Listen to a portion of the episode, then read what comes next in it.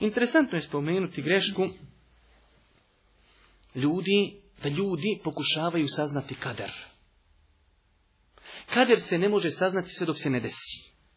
Kad se desi, tada mi znamo. Ali neispravno je i zabranjeno da čovjek ide da i saznati kadar. I na to se mogu odnositi oni hadisi na početku također, koji smo spomenuli.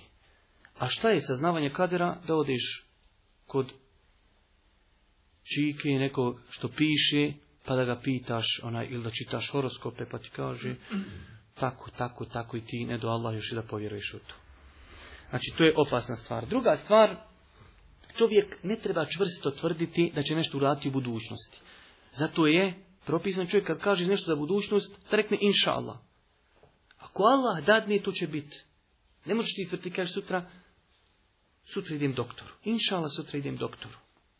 Jer ne znaš, robe Boži, prvo da ćeš biti sutra živ, a drugo, gdje tebe može do sutra odvući sudbina, samo Allah zna. Jako interesantno im baš sam pričao ženi, jedan događaj, kaže, bio sam ga stvarno čuo kao vjerodostojnu predaju. Vjerodostoj se desila u životu, a ne da to ima negdje tamo u knjigama zapisan. Kaže, krenuo čovjek na pijacu i ponio pare u novčaniku i ode kupit kravu. Kaže mu komšija, gdje ćeš komšo? Kaže, ode kupit kravu. Poveli fino, leto, reci inšala. Ma kaže, kako inšala? Novčanik tu, pare u novčaniku, samo ode do kravu i doveden kući.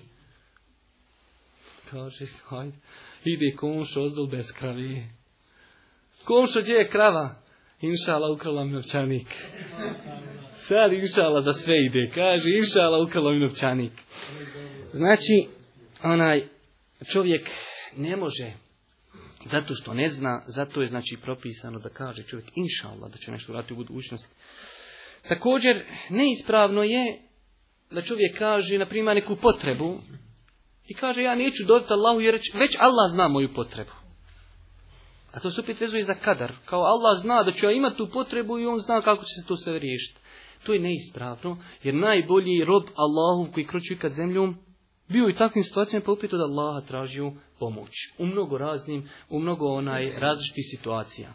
Znači neispravno je to. To što Allah zna što će se desiti u budućnosti, to ni u kom slučaju nama ne zabranjuje niti negira da mi uputimo dovu Allahu subhanahu wa ta'ala. Također ista stvar onaj čovjek ne treba to da zloupotrebljaje kada ga neko od njega traži neku pomoć.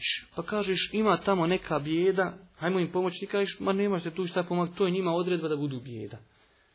Znači to je samo njemu došao šeki da ne dadne ništa, inače onaj... Znači čovjek treba, kao što smo spomenuli, da uzme ovo dunjalučke razloge u svakom segmentu i to, ako je neko, Allah nekoga iskušao da je siromašan, pomozi mu odno tvojim mogućnostima. Također, vezano za kader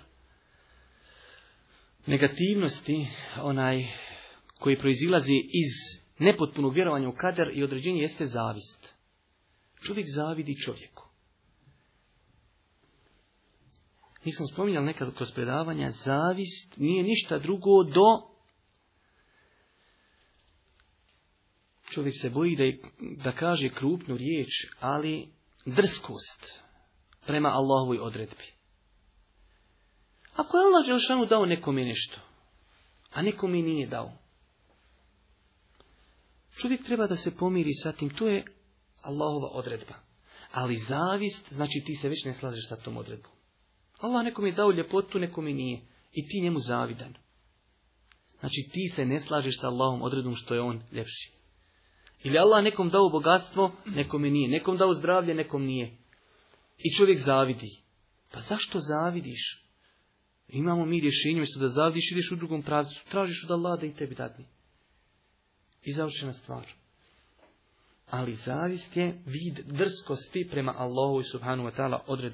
I na kraju, također, samoubistvo koje je šerijatom strogo zabranjeno je vid onaj drskosti i nepoštovanja, znači onoga što je uzvišeni Allah subhanahu wa ta'ala odredio. Molimo Allah Đelešanu da ovo što smo čuli bude korisno za nas. Molimo ga subhanu wa ta'ala da nas učvrsti u ovim teškim vremenima. Molimo ga subhanu wa ta'ala da nam bude milosti na sudnjem danu i na kraju subhanike Allahumma wa bihamdike. Ešhedu en la ilaha illa ente stagfiruke wa etubu ilaik.